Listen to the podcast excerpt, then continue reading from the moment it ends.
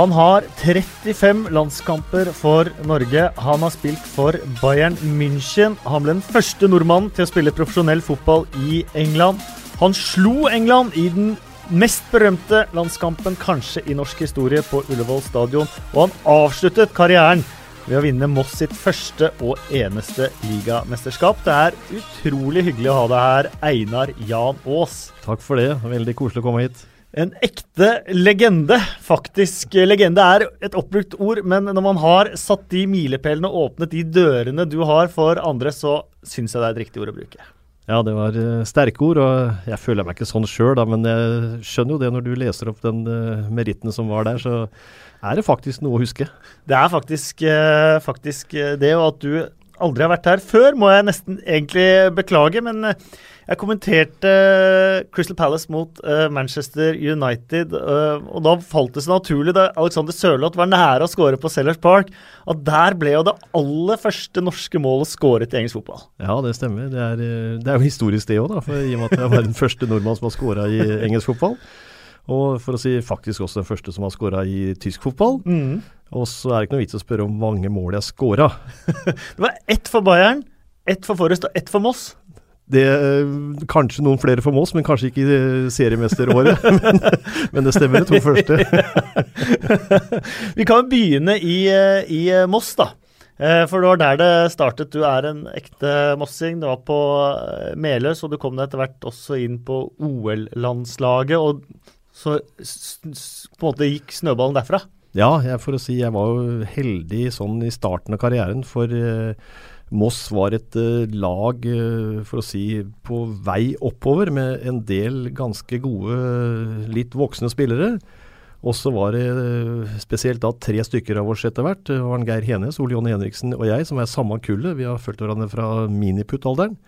Som da, for å si, utvikla oss greit til å bli A-spiller. Ole Jonny var den første og den beste av oss til å begynne med, i hvert fall.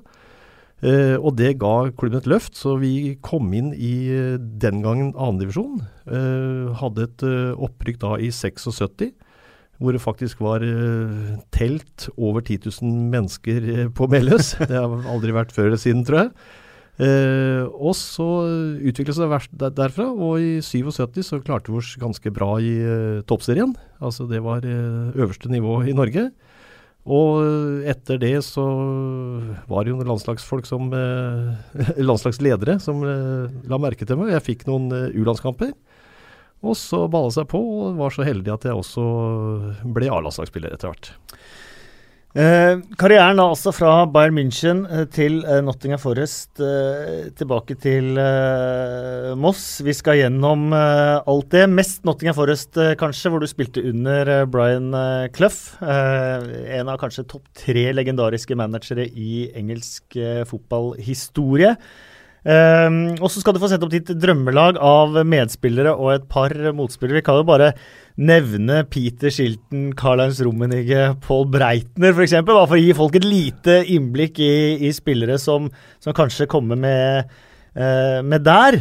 Eh, men du hadde en OL-kvalifisering eh, til OL i Moskva i 1980 mot eh, Tyskland, eller Vest-Tyskland. Ja, det var eh, OL skulle gå i Moskva i 1980, stemmer. Så vi kvalifiserte oss da i 79.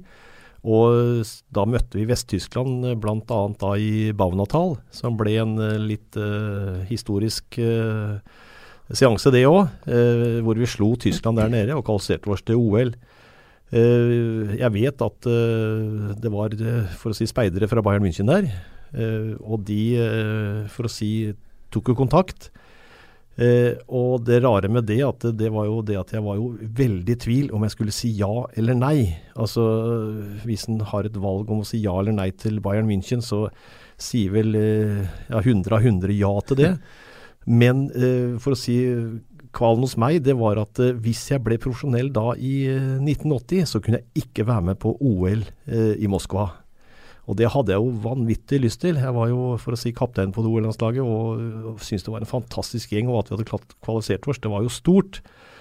Eh, men så ble kanskje Altså, jeg var ikke noe sånn supertalent. Jeg var ikke noe sånn supermenneske som kunne velge hvor jeg ville gå en, når som helst og hvor som helst. Så jeg tenkte at dette er kanskje eneste muligheten for meg til å bli profesjonell, og da spesielt til Bayern. Eh, så jeg valgte jo å signere for Bayern München. Og i ettertid så er jeg jo veldig glad, for det ble jo faktisk boikott av OL i 1980. Så det hadde ikke blitt noe OL-spill på meg uansett. Så jeg, jeg prisa meg lykkelig for det valget, men det var et tøft valg, altså. Det var et tøft valg, og du fikk jo en, på mange måter en tøff tid der òg. For det var Uli Hønes som ville ha deg dit. Men du oppdaga kanskje fort at han eh, treneren, Pal Chernay, Ja, ikke var så stor fan, eller? Nei, eh, jeg, ble, jeg ble veldig usikker, for eh, jeg, for å si det sånn, jeg hadde rimelig grei selvtillit når jeg dro til Bayern, og jeg tenkte at jeg, nå skulle være plukka ut meg for å ta over, ta over etter Frans Beckenbauer. Eh, og det trodde jeg kanskje litt på selv òg, men det ble det ikke noe av, for å si det sånn. Han var nok en klasse høyere, eller to-tre klasser høyere enn meg, så det ble det ikke noe av. Men det frustrasjonen der nede var at for å si Jeg fikk aldri en tilbakemelding på hva som var eh, problemet med meg, da, i forhold til eh, at jeg ikke spilte 100% fast. Jeg spilte vel sånn ca. Ja, annenhver hver tredje kamp der nede. Fikk greie tilbakemeldinger eh, både for å si av presse, av medspillere eh, og de som eh, for å si var til stede. Så jeg, så jeg skjønte ikke helt hva jeg mangla. Men eh, altså, hadde jeg bare blitt fortalt det, så kunne jeg jobbe med det. Men det var bare en, rett og slett en ja, skal vi si en liten sånn boikott av meg. Jeg husker jeg, eh, for å si, jeg skåra mitt første mål her nede, og det Skjernøy, for å si, kom med da etterpå. Det var ikke noen gratulasjon med skåringen, men var, jeg hadde ikke noe der oppe å gjøre. Så da blir du litt frustrert. Og jeg, for å si, de skulle prøve også Schwarzenbeck eh, tilbake etter langtidsskade, så han ble satt inn som midtstopper. Og da ble jeg satt ut som back, og back vet jeg at jeg ikke er, for å si det sånn, eller var. Eh, men det frustrerende med det var jo det at når jeg ble med i angrep, så fikk jeg jo kjeft. Da skulle jeg være bak. ikke sant? Når jeg ble stående igjen bak, så skulle jeg være med i angrep. Så det var en sånn frustrasjonstid. Men jeg må jo si at han eh, for å si, var jo en fantastisk god trener. Mm. Eh, Fysisk så har jeg aldri vært så godt trent som jeg var i Bayern. Og vi vant jo eh, to seriemesterskap på rad der nede med han Pal Czerney. Så det var mer mennesketypen som ikke eh, jeg takla helt. Uh, I forhold til det som Altså trenerdyktigheten hans var stor. Men han ga deg også en strekk på trening der, gjorde han ikke det? Jo, det stemmer at vi skulle sparke for å si så høyt vi kunne, og jeg sparka rimelig høyt. Altså bare sånn opp til hånda til en medspiller som holdt hånda høyt. da. Og han, eh, for å si jeg sparka rimelig høyt, og så nei, høyere. Og du gjør som regel det treneren ber deg om, i hvert fall i sånne situasjoner, litt usikker situasjon som jeg var i. Og så skulle jeg ta i ekstra mye og sparke ekstra høyt, og så fikk jeg en ordentlig strekk bak i låret og var vel ute i en tre-fire-fem uker, tror jeg. Eh, vi var inne på det helt i starten. Eh, Noen av de spillerne du var sammen med der, eh, Karl-Heinz Rummenigge har jeg vokst opp med bare i VM-er og i Panini-album, sammen med Augenthaler og, og Breitner. Og det, det var noen karakterer der. Ja, karakterer og veldig, veldig hyggelige spillere. Uh, med, for å si, var kanskje ikke for å si, så mellommenneskelig som engelskmenn er, men det hadde jeg ikke noe problem med i hele tatt i, i Tyskland. Og jeg må si Karl-Heinz Rummenigge, det er den beste spilleren jeg har spilt med, og også mot på trening. Og han var jo litt, uh, for å si, beskytta der nede, for jeg tok en, en ikke noe stygg sklitakling på trening der nede og fikk huden full av kjeft av treneren at det, han takler du ikke sånn. Eh, Hva slags type var han? Var det han og Breitner som måtte styrte klubben egentlig? Ja, det var vel nesten øh, Ja, Oli Hønes òg var øh, styrende der, men øh, Paul Breitner var nok generalen som styrte det meste, og han satte jo meg også inn på laget en periode hvor jeg var satt ut. Det var rett før trening, og da fikk de som skulle spille da i helga, de fikk overtektsdrakter, og jeg fikk ikke noe overtektsdrakt den treninga. Og så gikk Breitner bort eh, til uh, treneren, og så kom treneren bort til en av spillerne som hadde fått drakt, og den drakta ble tredd på meg. Og det var det Breitner som gjorde. Um, og så hadde du litt spesielt forhold til, til pressen der. Uh, også da en av Tysklands største aviser som hadde fast adgang på treningsfeltet og var på alle, alle treninger. Det betalte de for òg? Det kan godt hende, det vet jeg ikke, det kjenner jeg ikke til. Nei, eh, men det å ha, det å ha pressen eh, der man, man, får litt sånn ulikt forhold til journalister, kanskje. Det var én stygg sak der med, med lønninger og sånn som var på deg, som du ble plaga av? Nei, for å si jeg var ikke så mye, mye plaga av pressen. Nå var ikke jeg noen stor stjerne der nede, det var større gutter der nede, for å si det sånn. Men eh, jeg ble jo, for å si, kalt for eh, Lappe, da. Altså ja. fra, fra, Finnmarken, ikke sant. Det, og de, eh, for de spurte jo meg om det gikk reinsdyr i gatene der jeg var fra. Altså, og det, det, er lite reinsdyr i Moss. Men var det sånn at du fikk et fortrolig forhold til eh, Var det samme person som var fra Var det Seitung som var der? Ja, Bildzeitung ja. var dem som uh, var her fast. Uh, ja, du får et fortrolig forhold, men du måtte være forsiktig. For uh, du skulle ikke si mye på ytterkant før at de grep fatt i det som noe negativt. Så det var, det var viktig å være rund. For det var jo noen som kom med uttalelser her som eh, ble slått opp uh, stort og stygt. Og Men hadde ikke du også en der hvor 'jeg bader i penger', eller var det, var det en, sånn, en, sånn, sak der? Nei, det var ikke, det var ikke tysk presse. Det var faktisk, det faktisk vi menn. Oh ja, ja, det det? Ja? Og journalisten for å si var jo veldig hyggelig. Nå husker jeg ikke akkurat navnet på han, men han var Det er kanskje like greit? ja, men, men, journalisten var helt grei. Men det var på desken, som ja. de hadde slått opp uh, på forsida at uh, uttalelser fra meg som jeg hadde aldri uttalt, det vet jeg. Uh, jeg har så mye penger at jeg vet ikke hvor jeg skal gjøre av dem. Ja. Og det, sånne uttalelser tror jeg, eller vet jeg at det aldri jeg kom med. De hadde bare lagd en, uh, for å si en forside der som skulle selge. Mm. Så, så det, var ikke, det, var ikke, mye jeg hadde med vi menn å gjøre etterpå. Nei. Og sånn blir det vel, vel ofte de man får et fortrolig forhold til. De, de får kanskje også mer ja, dem, dem, kan få veldig mye, og dem, for å si, det kan jo være med. Vi var med og festa sammen med journalister. og det, var, at ikke, det skjedde jo ikke noe for å si noe skummelt, men bare det at vi var ute og drakk etter kamp, det kunne jo dem eh, brukt mot oss siden. Mm. Men da hadde vi en veldig, veldig fortrolig eh, og tillit til eh, pressen som, eh, som den fortjente. og dem, mm i min tid så tror jeg de aldri utnytta den situasjonen de, eller den, de sakene som de kunne ha utnytta. Den festen etter at dere kvalifiserte til OL òg, titta jo i, i, i, boka di. Den ble jeg nesten litt nysgjerrig på. Ja, det var jo fantastisk morsomt. Og det var, det var jo til og med Dere slapp å betale? Vi slapp å betale, og det var Nikken som tok på seg spanderbuksa. Forresten en, en fantastisk person med masse respekt og, og en veldig omsorg som Nikken hadde. Og vi var ikke vant til å få noen ting. Vi var jo, eh, for å si, ikke bortskjemt på den sida, men da, da, var Nikken så glad at uh, her spanderer vi alt. Og det benytta jo vi guttene oss av, for det var jo andre gjester her, bl.a. Uh, norske som var til stede der, og dem spanderte vi på, da. Så ja. vi spanderte på NFFs regning. Og det, det, var litt moro, og veldig unormalt på den tida. ja, for landslagskompensasjonene på den tida, var det eh, De kompenserte kanskje lønna du hadde i klubben, hvis ikke så var det 100 kroner per kamp, var det det? Ja, det var noe sånt, og de kompenserte ikke den lønna vi hadde som proffe, men nå ble jeg ikke trukket i lønn fra Bayern og Nottingham da jeg var ute. så det betydde jo ikke så mye. Altså, og lønningen denne gangen er jo ikke Ja, det er jo promille av det de har i dag. Ja, altså. Det kommer vi, kommer vi, faktisk eh, litt eh, tilbake til også. Men eh, et sted eh, har kanskje utviklinga i Tyskland og utviklinga i eh, England eh, der på en måte pendelen har svingt litt. På den tida så var det dyrt å gå på fotballkamp i, i, i, Tyskland, mens i England så var det ganske billig og for arbeiderklassen. Nå er det jo, ser vi at det er tvert tvert om. Ja, og det, for å si den der tilhørighetene til altså den fansen nå i Tyskland, er vel eh, kanskje minst like entusiastiske mm. og lojale og trauste mot sitt eget lag som det de var i England før. Mm.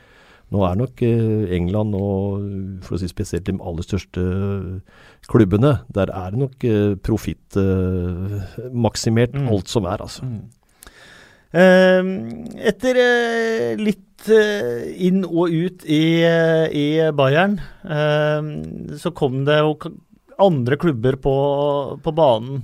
Det var flere klubber du var aktuelle for. Hvem var det som plutselig begynte å melde sin interesse? og sånt? For det var, virket som det var litt sånn spill der. Ja, det var et spill der, for jeg gikk til Oli Hønes, og jeg hadde ikke interesse og ikke, for å si, og ønska ikke å ikke kunne spille hver, eh, hver helg.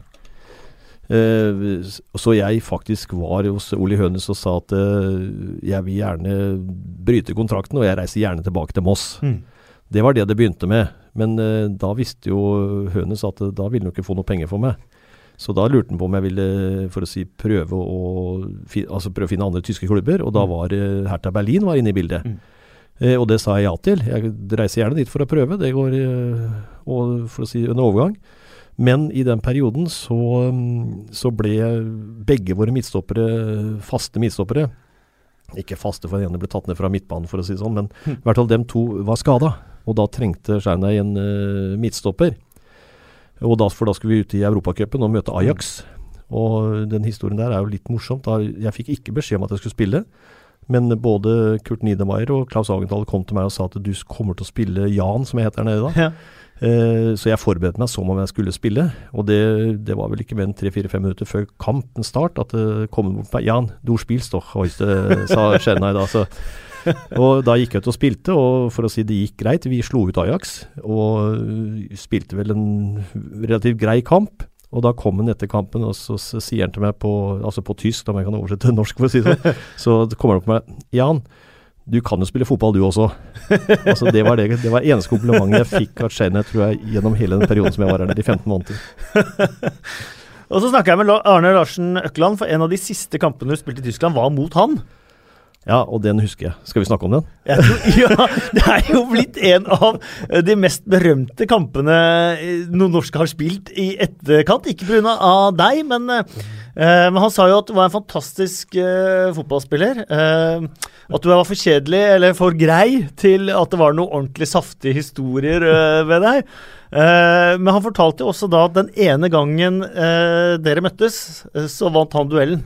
Det var helt klart. De slo Vørsvoll 4-0, etter det jeg husker. Og han Arne skåra vel alle fire måla. Eh, men ikke nok med det. Han eh, for å si, han hadde vel skåra tre, tror jeg. Og så skjøt han fra sida, og så gikk ballen inn i mål, men via nettveggen, altså fra yttersida. Mm. Eh, og da gikk han jo til dommeren og sa for at det, det var ikke mål. Altså, og det, det var jo stort å gjøre det, da. Ja, Jeg er litt usikker på Arne om du hadde gjort det hvis det var det første målet. Og det Nei da, nei da. Jeg stoler på at du er ærlig hele tida. Men det er blitt et av de mest berømte sånn, øyeblikkene i norsk eh, fotball fordi han var så ærlig. Hvordan opplevde du akkurat den situasjonen? Nei, for meg så var det jo, for å si akkurat situasjonen hvor han går til dommeren og sier at det ikke var mål, den er for så vidt grei. Det verste var at vi tapte 4-0. Altså, Ja. Vi hadde jo ikke muligheter, og det var tross alt nordmann mot nordmann, selv om det var kanskje han eh, Klaus som hadde hovedansvaret, det var han som fikk mest kjeft etterpå. Uh, hovedansvaret mot han uh, Arne. Så det var mest ydmykende at vi i Bayern München tapte for uh, Leverkosen da eh, 4-0. Men jeg tror det var Svein Mathisen, ja, som Svein Matta. Jeg tror han begynte å kalle for han Arne for Arne Nettvegg etterpå. For at han, han skåra via nettveggen. Men Husker du selve situasjonen? Husker du om du ble rasende fordi at du hadde sett den gikk gjennom nettveggen, eller om du husker liksom Nei, det husker jeg ikke. Jeg husker at han sa fra, men eh, hvor jeg var hen på banen, og om jeg oppfatta at det ikke var mål, det er jeg usikker på, faktisk. Ja.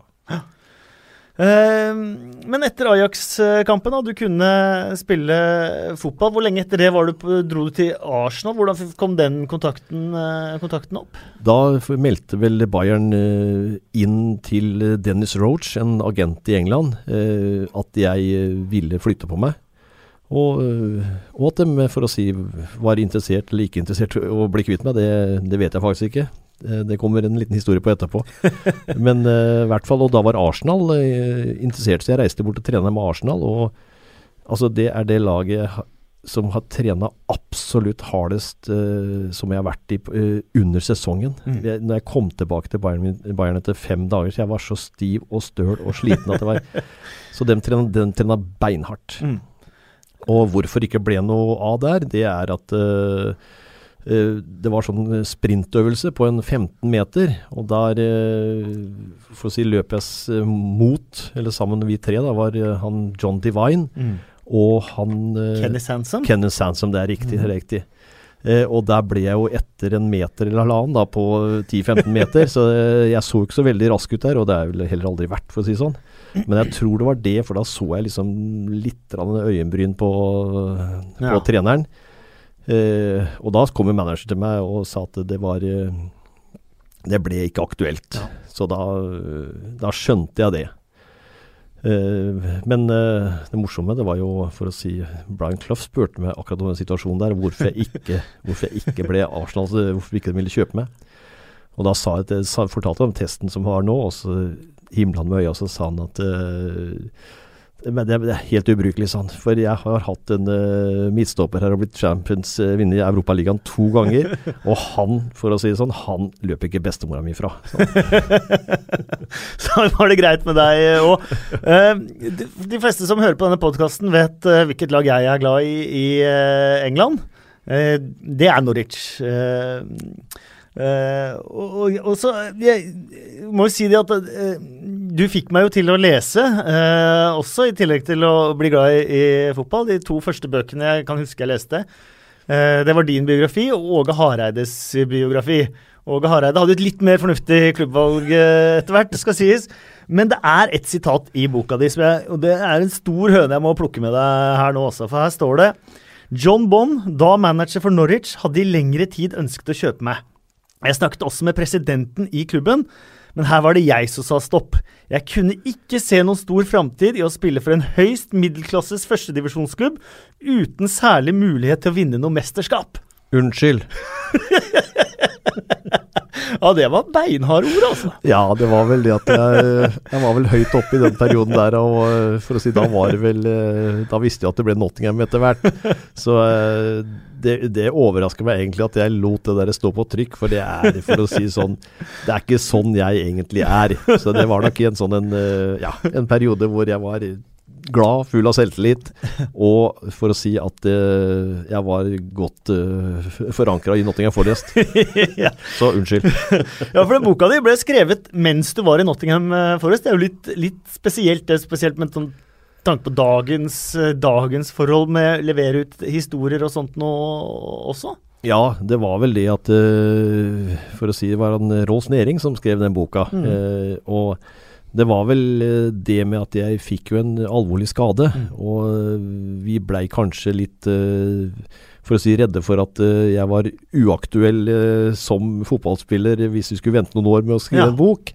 Så det var vel rett og slett litt kommersielt mm. at den ble framskynda. Og så tenkte vi at hvis det skjer masse nå i ettertid, ja vel, så er det for å si tar vi bind to seinere. ja. var i hvert fall en uh, bok uh, jeg satte pris på i, uh, på ungdomsskolen, og som norsklæreren min, Tottenham-supporter Ketil Christensen, også satte pris på at jeg faktisk leste noe. Så det var et hat trick i, i, gode ting. Det, ja, så hyggelig det, da. Men etter Norwich så uh, kom jo da Brian Clough og Nottingham uh, Forest. Du må fortelle om den, uh, den prosessen, prosessen, der. Ja, nå hadde, for å si, Nottingham sikkert sett meg på noen kamper og hatt speider ute og den biten der, så de hadde vel vurdert min fotballkapasitet, for å si det sånn. Men det møtet jeg hadde med Brian Clough og Peter Taylor den gangen, var veldig spesielt. Det, han, eh, det de spurte meg om, at uh, om jeg hadde kjæreste. Og det kunne jeg bekrefte. Det er, for å si Kjæresten er min nåværende kone, Tove. Så, og, og spurte om kommer hun til å flytte til Nottingham. Ja, sa jeg. Det, det er planene. Og det gjorde hun. Og så spurte han da om jeg var glad i mine foreldre. Ja, det er jeg veldig. Så jeg har veldig nært forhold til mamma og pappa, som jeg sa. Og så snur Brian Clough seg mot Peter Taylor, og så sa han He's the man, we'll buy him. Vi snakka ikke fotball i det hele tatt. Så uh, det var en litt uh, spesiell historie. Blant annet uh, en liten følge opp det, da. At han pappa, da, som er litt sånn Ja, god humor hadde han. Og han, for Brian Clough, ønska seg et norsk tre. Et norsk tre? Norsk tre, ja. Jeg, til hagen sin? Til haven sin, ja. Så jeg hadde med en eh, norsk furu fra Jeløya. Bitte liten furu hadde jeg i bagasjen, og den planta Brian Clough i haven sin. Og jeg vet ikke om han står her ennå. Det har jeg ikke peiling på. Men det er faktisk sånn, apropos det, hørt at Brian Clough hadde den fineste hagen i hele Nottingham. Og sier du det? det? det? visste ikke jeg. Jeg har aldri vært hjemme, hjemme hos henne eller for å si, sett åssen han hadde det. Nei, men Da kanskje står et flott furutre, norsk furutre der. ja. Men bød han deg på en drink òg? Ja, det var før en kamp. Så, og det var i ettertid, så har jeg tenkt at uh, det er for å kanskje han skulle teste meg. Mm. -hmm. vi lærte jo en regel i Moss, og det var at det var alkoholforbud 48 timer før kamp. Mm. Det var veldig strikt på i Moss, og for å si det har jeg alltid følt. Aldri hatt noe eh, problem med det. Men så møttes vi da klokka 11, og kampene der borte gikk for å si klokka tre. da. Og så ble jeg bedt inn på kontoret hans, og så sier han 'skal du ha en øl', sa han. Nei takk, sa jeg. Skal, det er kamp etterpå. Ja, det har vel ikke noe å si, sa han. Så jeg vet ikke om han ville prøve meg eller ikke, men det var jo helt uh, Altså, det var ikke tema engang at jeg skulle ta meg noe å drikke med alkohol i da, før kamp. Men kontoret hans uh, du, var, du, var, sikkert der uh, flere ganger. Han, historiene går jo om at han var mer i uh, skorstøy og med skorshrekkerten enn en den grønne genseren når han var på kontoret. Ja, det var han. Eh, altså ja, Han var ikke noen kontormann. Nei, nei da, nei, altså, Han var og titta på hvordan han trena var ikke, eller noen ting, men var og titta på det, hadde noen kommentarer. Og, men det han gjorde, det var Ron Fenton som var trenergangen. Han hadde fått beskjed at vi skulle ikke trene så hardt. Det hadde Blank gitt beskjed om. Mm. så...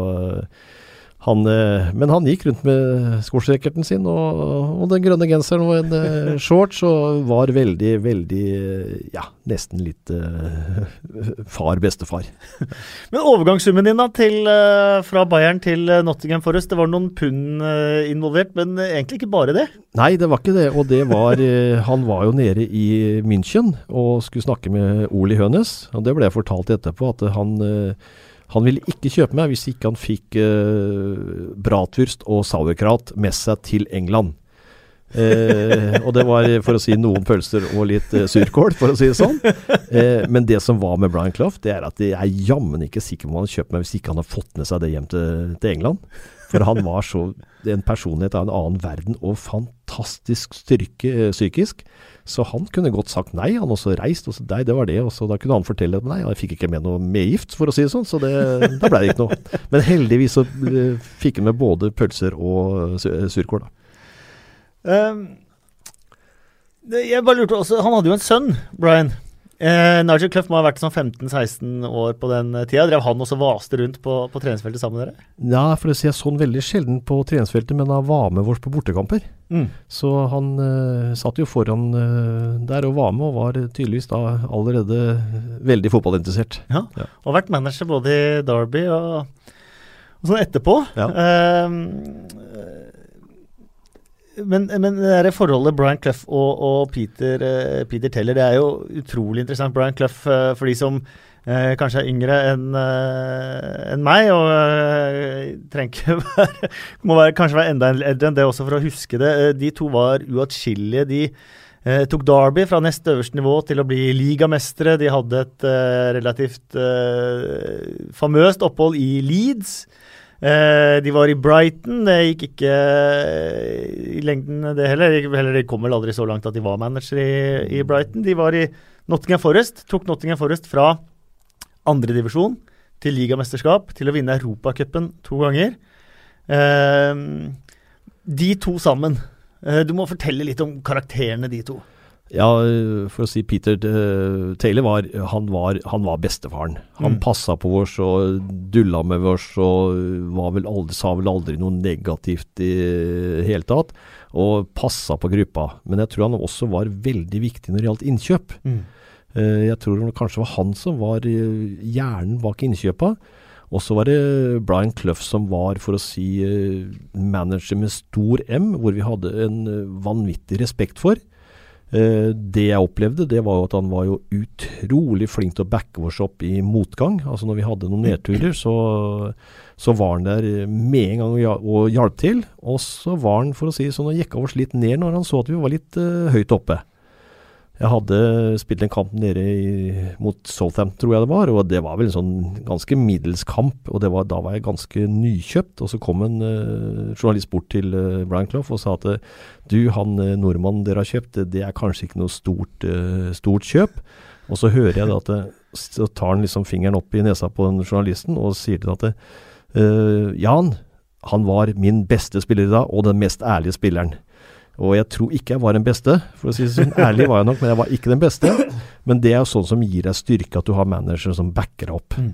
Uh, og det motsatte var jo da når du begynte å bli litt uh, høyt oppe og begynte å uh, fikse litt og surre litt, da fikk du rimelig bra kjeft, altså. Jeg husker det var en det var en situasjon hvor jeg var for å si, med opp i angrep, og så ble jeg takla innafor 16-meteren.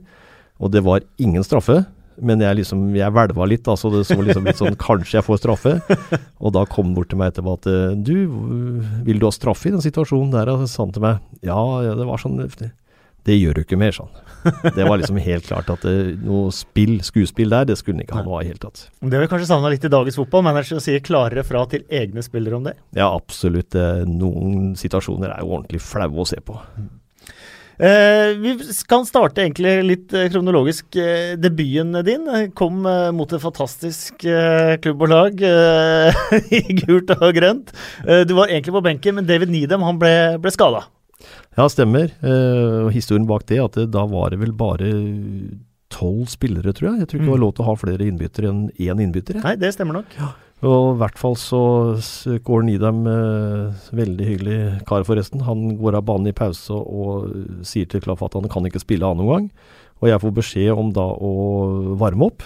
Og jeg går ut på City Ground, eh, Nottingham-banen, og begynner å løpe fram og tilbake og strekke ut og spurte litt og sånn. og og publikum, de, de sitter jo og ler av hva jeg holder på med. ikke sant? De var ikke vant til at den varma opp ute på matta. ikke sant? Så jeg, liksom, jeg, jeg fikk en sånn liten ja, ja, sånn rar følelse. Men i hvert fall da jeg kom innpå, så hadde jeg jo maks tur, da. For å si sånn, jeg eh, for, for å si for gjennomspill fra midtstopper og gjennom til Trevor Francis som scorer, og det går rimelig kjapt. Eh, så der lå jeg jo bak den scoringen, eh, og vi lå under 1-0 til pause, Mm. og vi vinner 2-1. Eh, og ikke minst så spilte jeg mot Justin Fashiono, og følte sjøl Nei, nå ble det mye skryt her. Følte sjøl at det gikk bra. Så liksom jeg fikk en knallstart i, i Nottingham, altså. Så det var, det var en lykkekamp. Så, så det var en liten takk til Norwich, da. Ja, og eh, sånn at du slipper å si det selv, du var aldri på benken igjen i Nottingham Forest. Nei, det var jeg ikke. Du starta enhver kamp som du var, var tilgjengelig etter det. Ja, da følte jeg at jeg, for å si, fikk var en fast spiller på laget. Det gjorde jeg. jeg var, og det var i hvert fall sånn som jeg som var som menneske. Det, da ble jeg tryggere og tryggere. Og øh, for å si Jeg, hadde, jeg tror jeg jammen hadde slitt sånn som de gjør i dag, hvor de rullerer på spillere. Jeg sa det også til P-Mathias når han øh, for å si var i Moss, at øh, han trena ikke vårs da, men jeg var jo hjelpetreneren hans. Og det jeg sa øh, meg, jeg som fotballspiller, jeg må spille hver kamp uansett hvor Mm. sliten jeg var. Ellers så mista jeg mye av selvtilliten og tryggheten Mm. med bare å stå over én kamp. Så jeg ville være med hele tida. Så, så dagens fotball er ikke sikkert at det passa meg uh, veldig godt, for det var jo nesten sånn det blei i, i München. At jeg ikke spilte hver kamp, Mm. men, uh, og da ble jeg ikke uh, trygg nok, følte jeg da. Eh, og en gang du var nervøs, så ble du spurt om alderen din Akløv? Kløv. Eh, ja, det, hva var det for noe? Uh, jo, jo, jo, da, jo da, han, jeg tror jeg, han spurte om altså, jeg altså var nervøs, og så sier han at ja, Hvor gammel er du? ja, for å si nå var dette her i som ble, var det 26 år? Jeg er 26 år, og så sier han til meg Jan, hvis du er nervøs når du er 26 år, åssen tror du du kommer til å bli når du er 50? og da slapp det litt. altså Det var sånn at ja, det er sant, det er ikke noe jeg er nervøs for, det er, det er å nyte dette her. da. Så du for deg selv som en 50-åring med brodder under skoa da? hadde trengt da, med, det, med den tempoet jeg hadde der da, og så fram til 50. Nei, det er utopi. Eh, Åssen var spillermøter, taktikkmøter og sånn med, med Clough og Taylor i forhold til det du var vant med i Tyskland f.eks.? Tyskland så var det jo mye mer taktisk, og vi hadde jo taktiske treninger og for å si ble spilt, satt opp mot eh, spillere som vi skulle møte og sånn. Eh, der var det veldig sånn eh, ordentlig og seriøst, og, og det var veldig bra, altså. Men eh, jeg husker spesielt ett spillemøte vi hadde med, med Nottingham. Og det var eh, Plutselig så står Peter Taylor, og så titter han ut av vinduet, og så ser han at sola skinner, og så Og da hadde vi ikke sagt noe om kampen i hele tatt, og så sier han at det, Fint vær i dag, dette blir en fin kamp. Gå ut og spille, gutter. Det det var spillemøtet da. Og vi hadde ikke hatt noe før da denne uka heller, så det er det. Man føler at Gu- Guardiola kanskje går litt eh, mer i sømmene i dag. Ja, han går litt mer i sømmene, det virker sånn, så, men han har jo en uh, gruppe spillere som er, uh, for å si, fantastiske. Da.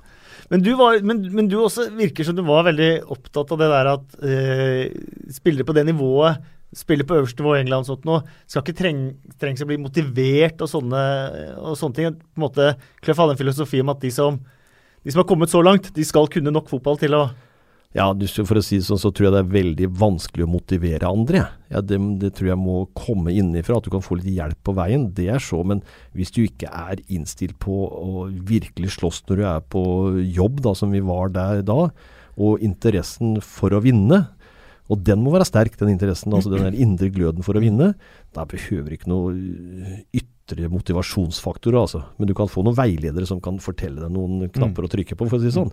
Men eh, nei, det har aldri, aldri vært noe problem for meg, uansett hvor og når jeg har spilt fotball. Apropos øh, ølen du ble tilbudt, og, og oppvarming og, og sånt noe. Det var, var, som sagt to bøker jeg leste. Jeg mener jeg leste i Åge Hareides biografi at i Manchester City så sto fysioen med et brett med shots istedenfor oppvarming på vei inn på banen. At man hadde tilbud om å ta en liten sånn eh, før man gikk på banen. Hadde man det i Forrest? Nei, det hadde vi ikke. Dem, og det kan jo at manageren har tatt dem før vi eh, fikk tak i dem. Nei da, han var ikke så ille. Han, var nok, eh, han tok, tok, seg noen pinner, for å si sånn, men det var ikke noe sjenerende for oss. Nei. Nei. Man hadde en filosofi om at hvis eh, fysioen gjorde en litt bedre jobb, hvis dere trente bitte litt hardere og han drakk litt mindre, så hadde dere vunnet ligaen hvert år. Ja, det hadde han også. Hvis, han hadde jo et vedde, veddemål med John Robertson, han, eh, Brian Clough, og det var at hvis du slutter å røyke, John uh, Robbo røyka da, hvis du slutter å røyke, så skal jeg slutte å drikke.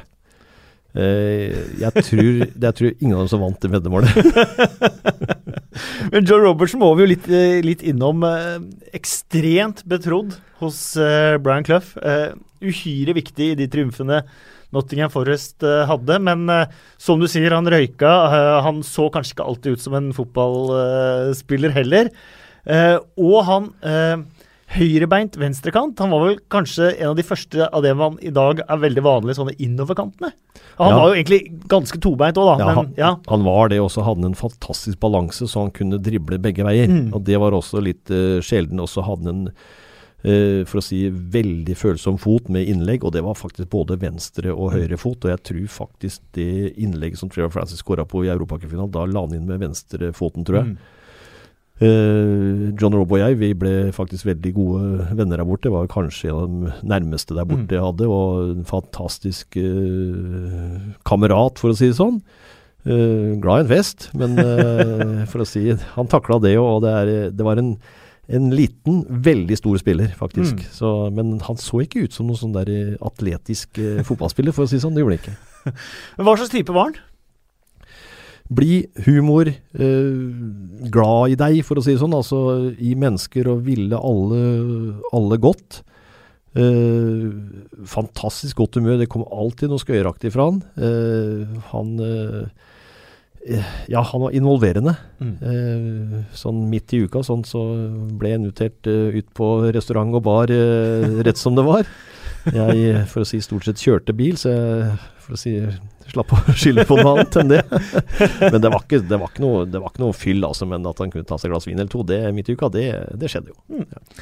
Uh, mens vi er inne på John Robertson, for den historien Brian Clough, Peter Taylor, den, den, er jo veldig fin og rørende veldig lenge. Jeg vet ikke hvor mye du fulgte etterpå, men Peter Taylor dro jo uh, til Derby og ble manager der. Og Der skiltes på en måte Clough og Taylor sine veier.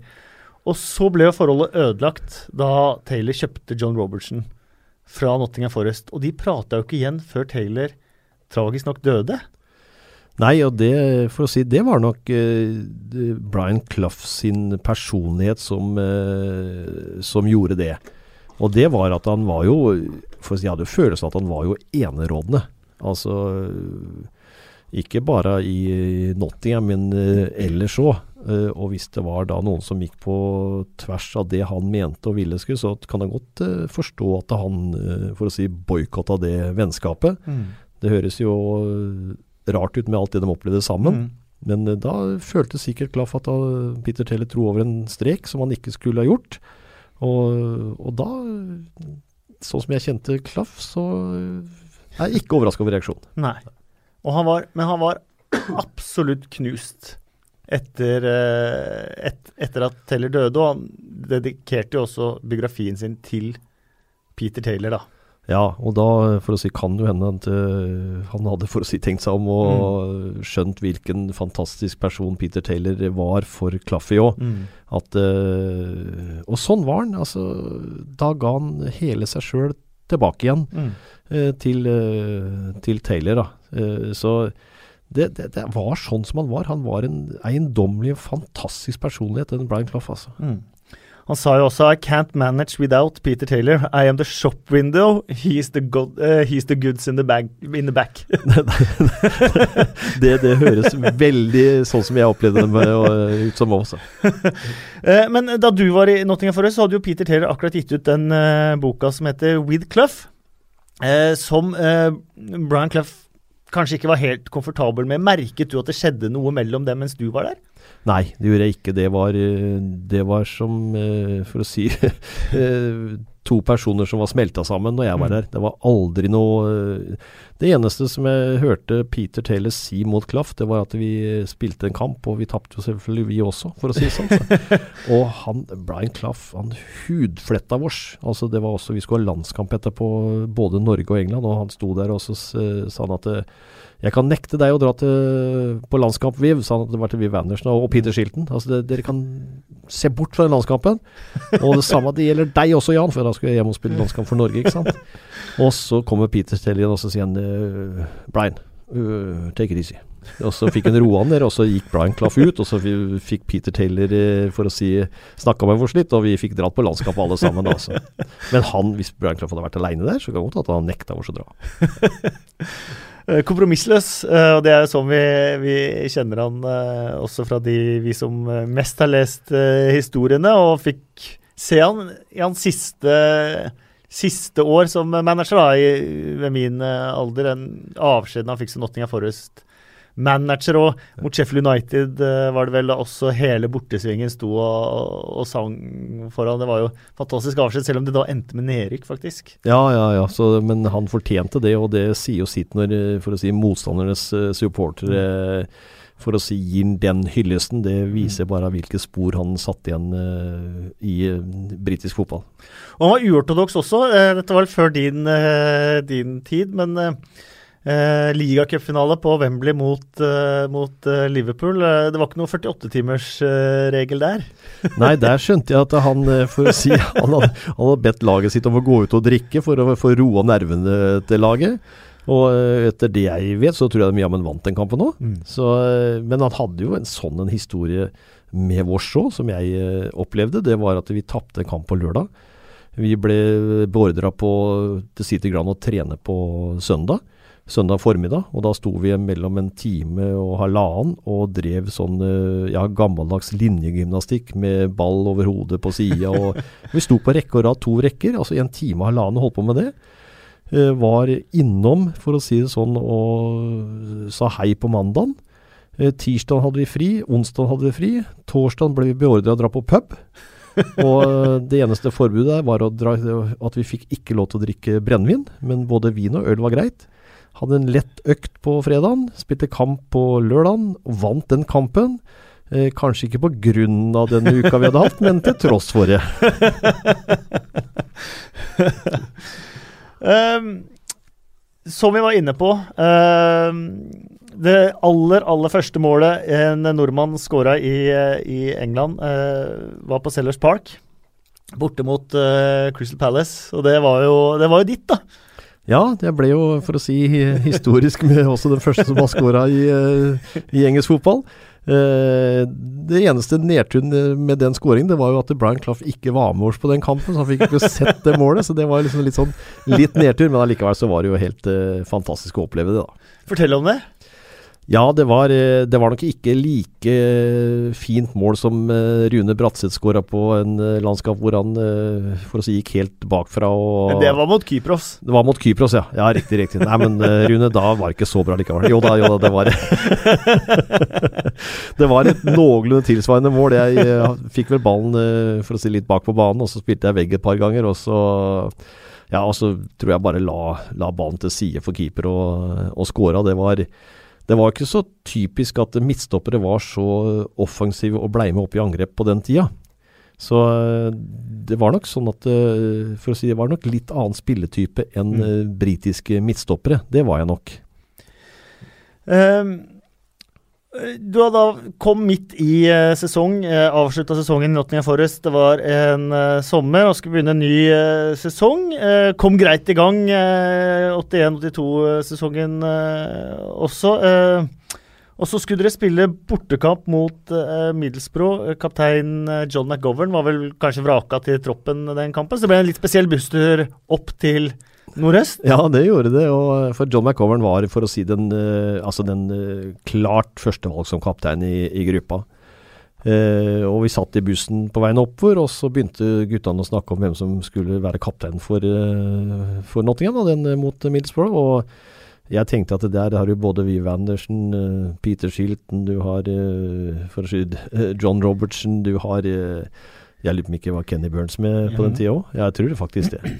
Så jeg liksom, jeg var ikke Og de begynte å snakke, og jeg tenkte at det er jo en av de store guttene som skal øh, Og så var det en som sa at øh, Nei, Jan, du blir kaptein, sa de. Jeg bare, jeg bare lo av det, jeg, for jeg, liksom, jeg tenkte at det er jo, det er jo helt utopi.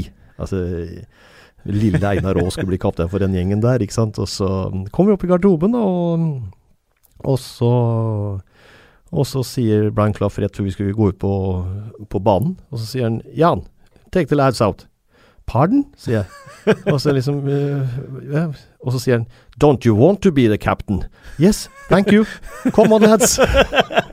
så, så jeg ble så overraska, men det var et stort øyeblikk, altså. Jeg tror øh, jeg, Etter det jeg har lest, så tror jeg faktisk jeg er den første ikke-britiske øh, spilleren som var kaptein øh, på toppnivå der. Ja. Jeg, det kan hende at det er feil, men det er noen som har fortalt meg det. Men det, det er jeg litt usikker på. Det høres ikke usannsynlig ut, i hvert fall. Nei, jeg husker ikke. Det var vel noen uh, nederlendere fra, på Ipswich som kanskje en av disse her uh, var noen Myhren eller sånn, men det var Ja. kanskje litt seinere? Det var kanskje seinere. Jeg lurer på det var litt senere. Det var kanskje de argentinere i, i, i Tottenham var der, men de var, jeg tror ikke noen av de var kaptein. Nei, og så var nei. det Det var ikke så mange ikke-britiske spillere på den, eh, den tida. Nei da, og det var ikke så lett å få arbeidstillatelse heller. For Nei. at du måtte, for å si Altså begrunnelsen var at du skulle heve standarden på britisk fotball for Mm. å få arbeidstillatelse der borte som uh, utlending. Uh, men uh, når eh, spillere kommer i dag Nå er det jo eh, hele elvere uten eh, briter omtrent i, i no, noen kamper i, i Premier League. Eh, best betalte spilleren hos dere, så vidt jeg kunne forstå, var Peter Shilton. Det var nok høyst sannsynlig, ja. Ja, eh, og han tjente den svimlende sum eh, av 1000 pund i uka. Ja, og det var nok, eh, for å si, godt betalt, det. For da for å si, hadde du altså 40 000 i, i måneden. Ja. Eh, og så ganger vi det med 12, så blir det, 480 000 i året.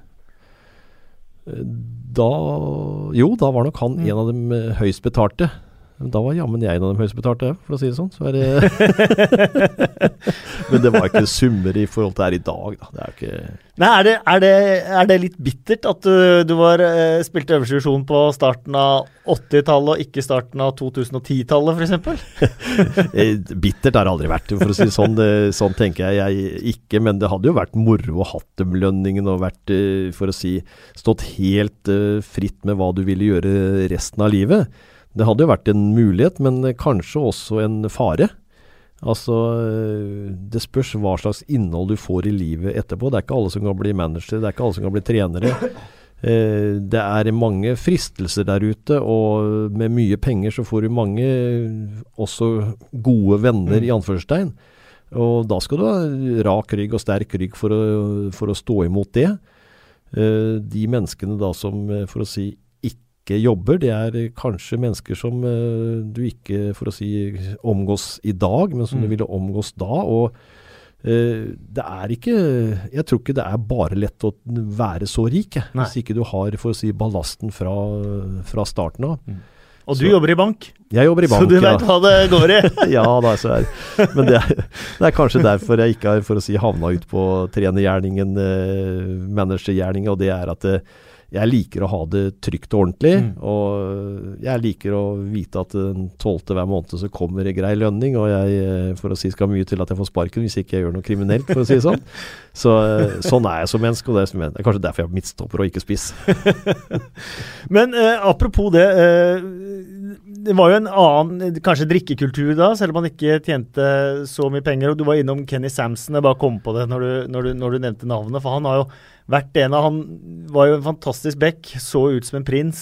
Har vel 63 landskamper for, eh, for England, hvis ikke jeg husker helt feil. Eh, men som har til tider bodd på en parkbenk nå på sine eldre, eldre dager tatt av alkoholismen. Ja, det er jo så, for å si, så trist å høre. Men eh, en kan, for å si det på en måte, for å altså forstå at en sliter litt etter at karrieren er ferdig.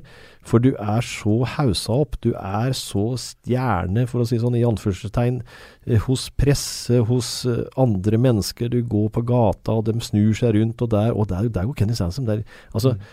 Du er så opphøyd, og da etter hvert så blir det borte. Og det skal du også leve med, at du ikke er i blesten lenger.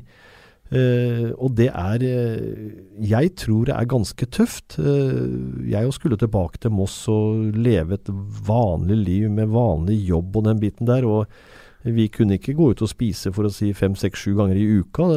da hadde spist opp alt penger vi tjente, for å si det sånn. Så, og da når du skal tilbake til hverdagen da, så tror jeg det kan være en voldsomt vanskelig situasjon for, for mange spillere. Mm. Så ser du også, eh, sånn apropos pressen og sånn også, så har det vært tilfeller også nå hvor uh, Kenny Sampson har vært på, på rett kjøl. Og det gjelder jo andre også som har slitt med alkohol, som Paul Gascoigne og andre, hvor tabloidpressen setter fire flasker sprit på døra, uh, banker på, og så Uh, sitter og klarer til å ta, ta, bilder og sånt når man havner utpå igjen. Det er, mye, det er ikke mye hjelp å få fra den svinegjengen der. Nei, det er for å si møkkafolk som gjør sånt. Altså. Er, uh, dem har jeg null respekt for. Uh, dem skulle heller være med å hjelpe og for å si skrive noe positivt og lage gode historier, sånn at uh, det mennesket ble for å si, uh, respektert og akseptert sånn som, det, sånn som det var, og ikke utnytte uh, mennesker som ligger nede. Det, Nei, Det syns jeg er så råttent at jeg, jeg kjenner at jeg blir nesten litt harm. Ja, og Den gode nyheten er at jeg, så vidt jeg kan forstå nå, så går det mye bedre med, med Kenny, Kenny, Samson. Da, og, og, gjør litt arbeid for Crystal Palace og, og sånt, og det er utro, utrolig bra. Uh, ja, Når det gjelder akkurat Kenny Samson, da når jeg for å si brakk beinet der borte, så den jeg fikk Jeg var jo trena sammen med Kenny Samson, som jeg sa i stad. og så med, da var det, for å si eh, Fikk jeg et bilde med Kenny Sansom og Willy Young og meg sjøl, og så sto det 'Get well, Jan'. Mm. Så det var, eh, for å si Så det mennesket er nok uh, over middels uh, hyggelig normalt, for å ja, si det sånn. Så det var så bra. hyggelig. Ja. Så bra. Um, da kan vi jo ta den, det som skjedde, da. For det var jo Kom på verst mulig tidspunkt, og det må ha vært utrolig kjipt. En bortekamp mot Sunderland. Uh, som sagt, blitt kaptein, fast på laget. Eh, Roker Park med matter som er på den tida av året. Ja, det var jo, eh, for å si eh, Det var jo bare gått noen få minutter av kampen. og var, ballen var på vei til å trille mot Peter Shelton. Jeg skulle bare skjerme den ballen så ikke motstanderen kom forbi meg og kunne pirke den ballen i mål. Og jeg løper eh, faktisk ro, ganske rolig innover, og så har vi lange for å si skruknotter eh, som setter seg fast i et, eh, et litt frossen topplag på banen. Og jeg løper faktisk rett og slett ut av, uh, av ankelen min, av skoen min. Så jeg liksom Jeg skjønte jo ikke hva som skjedde engang, for det skulle jo ikke kunne være mulig. Nå hadde jeg fått veldig mange spark på ankelen som var liksom, sikkert litt sånn eh, lamma uten at det var lamma ordentlig. Mm. Og når jeg liksom da datt og satte meg ned, så så jeg ned, og den der lå jo en fantastisk dårlig vinkel, for å si det sånn. Men jeg tenkte på, og da tenkte jeg på klaff, faktisk. Det husker jeg nå.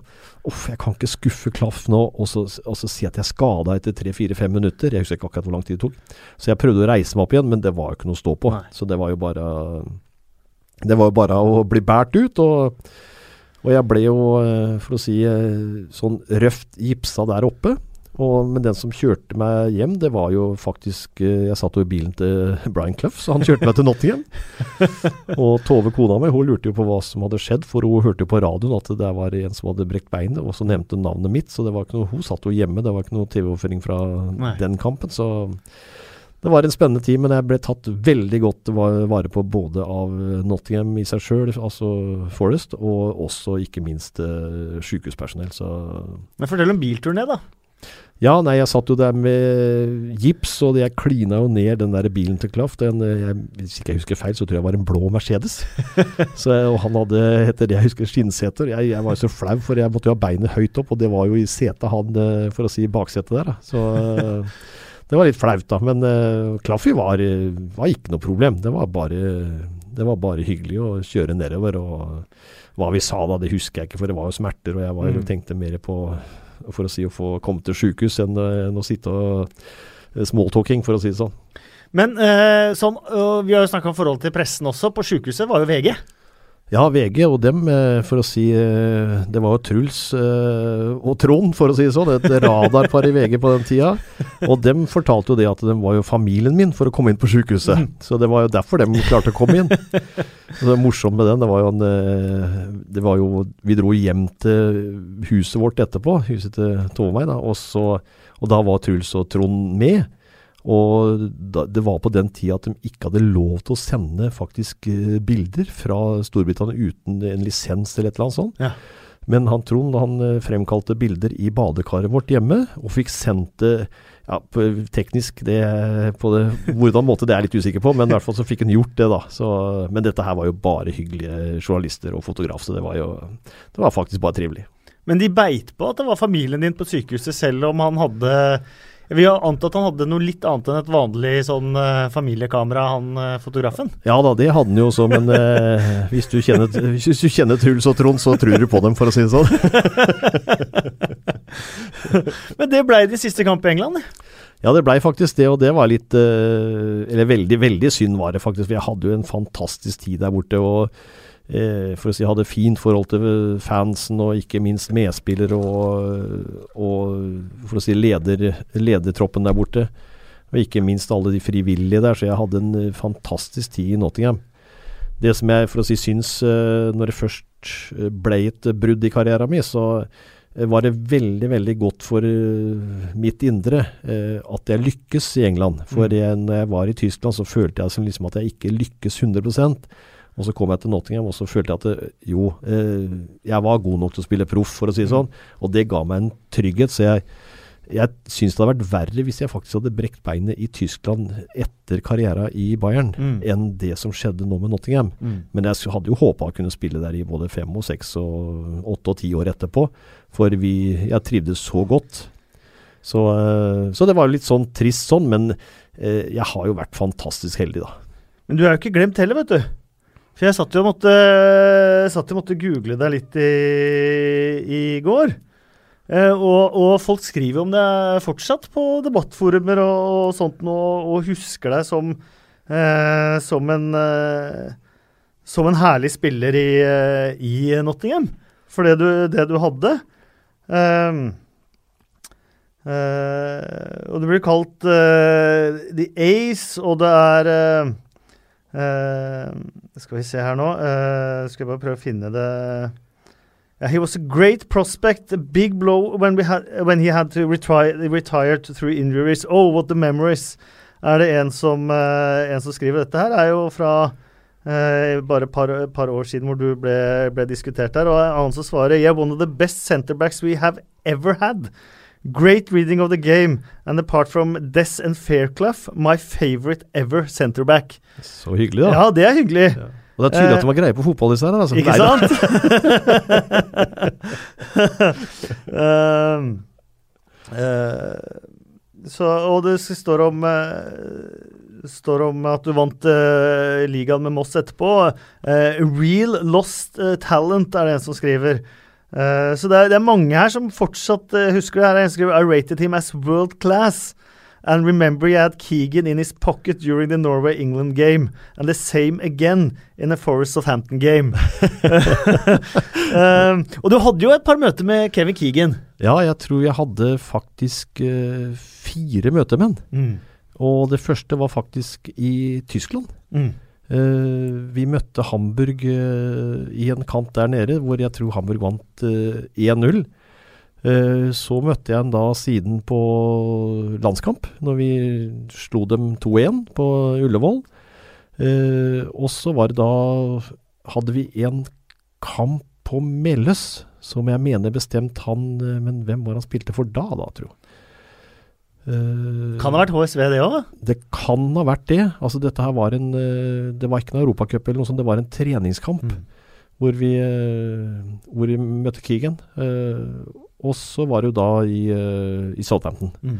Så jeg møtte faktisk i hvert fall fire ganger. og han var jo en veldig, altså veldig god fotballspiller, men uh, også en ærlig spiller. Mm. Det var sånn uh, Ikke enkelt å møte han sånn fotballmessig, men det var aldri noe, noe, tull. Det var fair play hele veien. Bortsett fra, hvis vi tar det siste først, da, for vi skal snakke om England-kampen ganske snart. Prøvde han å filme seg til straffe på slutten der? Det Mot deg? Det, det husker jeg faktisk ikke. Så, uh, Hadde han ikke hvor han gikk på en måte i kroppen din og, og falt ned, og det var litt sånn ja, det, det, kan ha vært, men uh, såpass, såpass, godt uh, husker jeg ikke fra det der. Jeg var jo, for å si, i den englandskampen, uh, hvis vi bare fullføre den, så fikk jeg en smell i hodet etter ja, ti minutter eller noe sånt. Og jeg fløy jo bort til Tor Øste, som var treneren den gangen. Og for å si ba om å bli bytta ut, for jeg fikk migrene. Og da, for å si, da flimrer det for øya mine en ti minutter av kvarters tid. Så, men han bare døtta meg ut igjen. Og så ja, men da må jeg få ei pille. Så fikk jeg en vanlig hodepinetablett, og så gikk det over. Da. Og jeg er så glad i dag at han døtta meg tilbake, ikke bare bytta meg ut. For da hadde jeg ikke fått den opplevelsen. For det har vært en stor opplevelse i mitt liv. altså. Ja, og det er det jeg mener. Det, men det er jo litt sånn Er det litt forskjellen på dagens og gårsdagens uh, fotballspillere? Det, det er hodepinetablett og spille videre, eller? Ja, altså eh, Jeg vet ikke. Noen filmer seg til altså Det ser jo ut som det er, det er drap utpå der, og de ruller 70 ganger rundt. og det, altså Jeg synes, jeg skjønner ikke, for å si at de at de vil det sjøl en gang, jeg. For, å si sånn, for det blir jo gjennomskua, og ikke minst nå med all, alle kameraene som filmer fra alle mulige vinkler. Uh, så det blir liksom sånn Og det er jo noen spillere nå som får stempelet for seg at de er bare altså storfilmere. Mm. Så, ja. vi, må ta en liten, vi må ta en liten bare minnes uh, Norge-England. En av de mest ikoniske øyeblikkene i norsk uh, fotballhistorie på Ullevål stadion. Kanskje, Der går Torvald, så blir det åpent mål og scoring! Og scoring! Akkurat det som ikke måtte skje. Engelskmennene tråklet seg inn og forbi Tore Antonsen, og saken var grei. For åpent mål var det bare å trille ballen inn i det åpne, åpne, åpne norske buret. Og det er 1-0 til England etter et kvarters spill. Dessverre kommer det hjørnespark fra høyre med venstre fot, som skrur helt inn i det engelske målet. Det er jeg helt sikker på. Helt inn på målstreken. Der kommer den. Stur helt inn. Clemens forsøker og får ikke tak i ballen. Halvard Thoresen gir ut til Tommy. Tommy demper på brystet. Kan gå mot dørlinja. Velger å svi inn mål mot mål. Og så utligner de! Det er goal! Det er inn! Det er goal! Tommy og Hvem var sist på ballen? Var Roger Albertsen. Det var Tom Lunds mål! Det var Tom Lunds mål etter 35 minutter. Kommer Roger Albertsen fikk ballen fra Tommy. Og på Tommy får den tilbake igjen. Og så Tommy ut der. Glimrende fra Arne Larsen Økland. Glimrende spill. Arne Larsen Økland inn i feltet. Bort til Halvard Thoresen. Og skårer! Skårer! Skårer! Halvard Thoresen. Å, herregud! Halvard Thoresen skårer. Det er 2-1. Det er 2-1. Ja, hva slags minner? ja, fantastiske minner. Og han var jo en enestående reporter, da. Ja, han var det. Skal vi, høre, vi skal høre kanskje det mest berømte fra kampen var ferdig også. Norge har slått England 2-1 i fotball. Vi er best i verden. Vi er best i verden. Vi har slått England 2-1 i fotball. Det er aldeles utrolig. Vi har slått England. England, kjempers fødeland. Lord Nelson, lord Beaverbrook, Sir Winston Churchill, Sir Anthony Eden, Clement Attlee, Henry Cooper, Lady Diana, Vi har slått dem alle sammen! Vi har slått dem alle sammen! Maggie Thatcher, can you hear me? Maggie Thatcher, jeg har et budskap til deg midt under valgkampen. Vi har et budskap til deg. Vi har slått England ut av verdensmesterskapet i fotball. Maggie Thatcher, om de, som de sier på ditt språk, i boksebarene rundt Madison Square Garden i New York. Your boys took a hell of a beating. Your boys took a hell of a beating. Til Maggie Thatcher. Norge har slått England i fotball. Vi er best i verden. Det er helt fantastisk. Ja, den, den, for å si det sånn ble jo uh, Hørte jeg jo borte i England når jeg dro bort etter kampen til England, at de, de hadde hørt den der, altså. Den ble nylig kåra til tidenes kommentatorøyeblikk i England, faktisk. Ja, den gjorde det. Ja. Ja. Det fortjener den. Det var helt, det var helt uh, utrolig, altså. Hvordan var det å komme inn i garderoben etter å ha slått England? I, i, i, i Nottingham? Jo, det var helt greit, i hvert fall for noen. For når jeg kom inn der, altså, så klappa de jo. Og jeg liksom tenkte meg Oi, hvem er det som klappa? Jo, det var skottene. Skottene som vi hadde på laget, dem klappa, mens engelskmennene de, de var ikke fornøyd, da.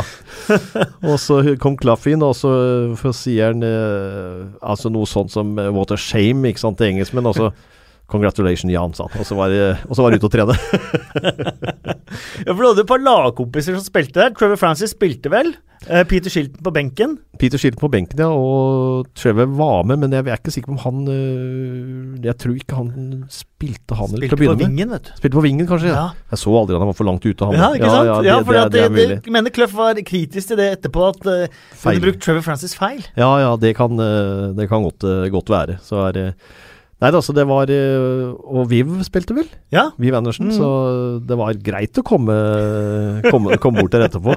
Det jeg husker at vi var litt anonyme når vi fløy tilbake, for vi fløy tilbake Tåvøya da med, med engelske fansen. Så vi var liksom litt sånn at eh, jeg hadde ikke lyst til å fronte at eh, jeg hadde vært med og slått dem. Altså for britisk fans var, eh, det var kjent for eh, ja, litt eh, over the top tøffinger, altså. Ja. ja Var det jeg som spurte om du hadde spilt der òg? Ja, det var en som spurte, ja. ja. Hva svarte du? Nei, jeg tror nok jeg sparte ja, og så liksom uh, skygga jeg unna med en gang, tror jeg. Eh, ja, eh, bare eh, opptakten til, til, eh, til den, eh, den kampen. Tor Øste Fossen var landslagstrener. Toget deres hadde vel gått til VM i Spania, men toget, man trodde vel kanskje at toget til England også hadde gått hvis de skulle tape mot Norge? Ja, nå klarte de seg å kvalifisere Ja. seg likevel, dem da, men uh, vårt uh, tog var godt. Men det var jo liksom stor fjær i hatten å kunne slå et av de store lagene i, i verden, da. Eh, nå var vi litt sånn der eh, Hadde en krampaktige kamper hvor vi slo noen gode lag, og så tapte vi jo for middelmådigheter og dårlige lag, som, eh, ja, som skjer i dag òg, for å si det sånn. Så det var Vi var ikke noe sånn topp topplag, men akkurat det å slå, slå England var stort, og ikke minst den interessen som norske folk har for britisk fotball, og hadde det. Det var jo garantert eh, nordmenn på Ullevål da som klappa når England skåra det Mm. første målet. Mm. De eh, visste jo at vi ikke kunne nå eh, VM. Det var VM-kvalik, eller Ja, VM? ja, VM, VM, ja, i Spania 82. ja. Og de visste jo at vi, og da ville de sikkert gjerne, de som var britiske fans, ville, ville gjerne ha England til VM, da. Så. Var det noe som het Sportsavisa eller noe sånt på den, den tida der som også hadde oppfordret dere egentlig til å ikke ødelegge for England før matchen?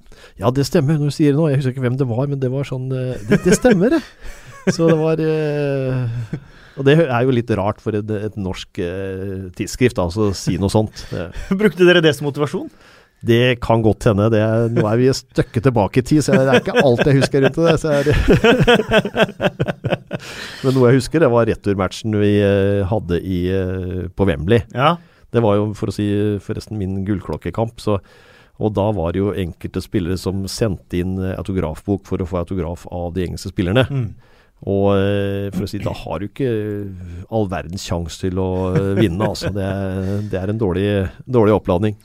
Fikk du bytta til deg drakt, da?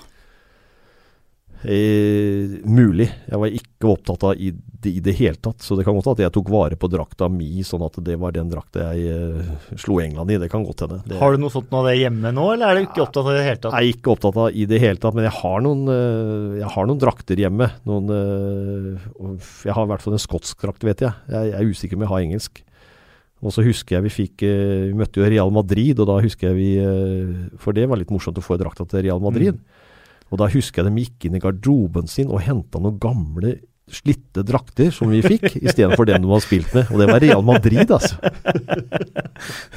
Ja, nå spiller du med ny drakt for hver, eh, hver kamp. Dere spilte i samme drakta hele sesongen. Ja, det er samme drakt, og det er ikke alltid den var så godt vaska heller. Nei.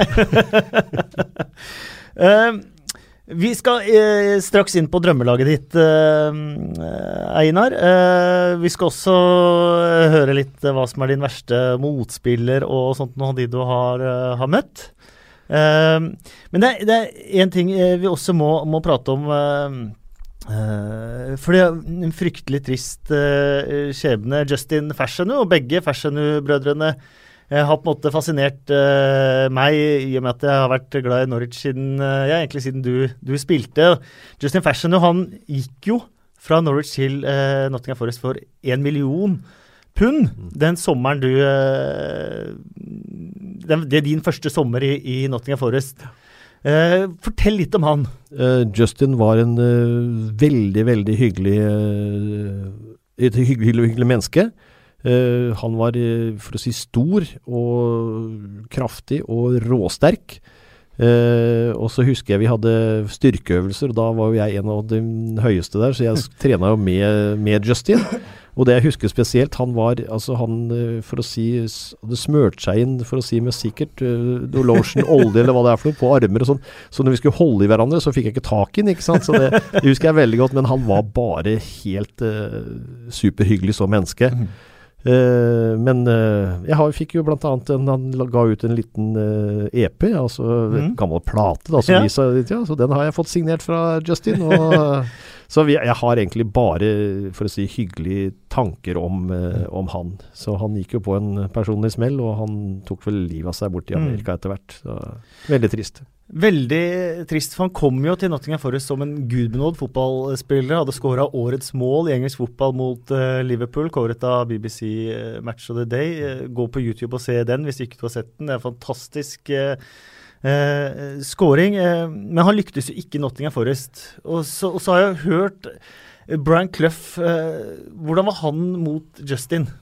Eh, han var rimelig tøff mot, eh, mot Justin, eh, og det var, for å si det sånn eh, han, Det var jo aldri kommet ut noe spesielt, men eh, det var sider der som eh, det gikk rykter om, og det tolererte ikke Brian Clough. Det er den gammeldagse holdningen. Gammeldagse holdning, men Men det kan kanskje være grunnen til at Justin heller ikke lyktes hos dere? Ja, det kan det være. Altså, du må ha tillit hos manageren. Og skal du ha trygghet hvis du er utrygg på deg sjøl, på åssen manageren ser på det Mm. og den biten der, så er det noe av det verste som kan skje. Du skal være litt av en superstjerne for å takle det, altså. Mm. Så er det De har jo all makt, disse managerne, uansett Mm. åssen spillerne, spillerne er. Det er eh, fritt opp til eh, for å si Barcelona-manageren å ta ut Messi. Det er kanskje litt dumt å ta han ut, men han kan jo faktisk gjøre det. altså. Mm. Ja. Eh, For de som ikke kjenner historien til Justin Fashionus, er det ganske nylig kommet en, en dokumentar fra BBC. Jeg tror faktisk den også ligger ute på, på YouTube. eller på Netflix, tror jeg faktisk den, den ligger. Med Justin og John, som spilte da i Wimbledon i mesteparten av sin eh, karriere. Og brødreforholdet de, de hadde, de vokste opp i Norfolk Ja. med fosterforeldre. Og hadde jo ganske, ganske tøft hele, hele veien òg. Han var den første spilleren som sto fram som homofil, og han tok jo også sitt eget liv. Fryktelig tragisk. eh, Fra en eh, fantastisk fotballspiller da han på sitt beste. Ja, og for å si veldig, veldig fint menneske, sånn som vi Mm. opplevde den i hvert fall. Mm. Eh, du har spilt både mot og med uh, noen uh, sagnomstuste spillere, det får man jo bare si. Eh, hvem var den verste, verste du hadde foran deg som du, du, eh, du møtte? Eh, den beste og verste å møte for å klare å håndtere, det var eh, Karl-Heinz Rummenigge. Eh, som jeg eh, heldigvis bare møtte på trening, men han var fantastisk god og sterk og eksplosiv, og han hadde alt. Eh, den skumleste i anførselstegn som jeg møtte, det var faktisk Andy Gray. Han, eh, han var en knallhard spiller, og Han brydde seg ikke noe om hvor for å si, mitt hode var i forhold til hvor han skulle heade hen. Så eh, faktisk da jeg møtte han, så var jeg faktisk litt redd. Mm. Eh, du måtte liksom safe så at det var langt nok unna når du gikk i dueller og sånn. Eh, så det er den for å si, verste sånn fysisk uh, spiller jeg har møtt. Ikke den beste, men eh, den verste å møte. Wolverhampton og Aston Villa. Det var vel på Aston Villa jeg møtte den da. Ja, og senere Sky-ekspert. Eh, men det er vel eneste gang du har blitt beskyldt å lyve av Brian Clough eh, også, når det kommer til hodespill det ikke det?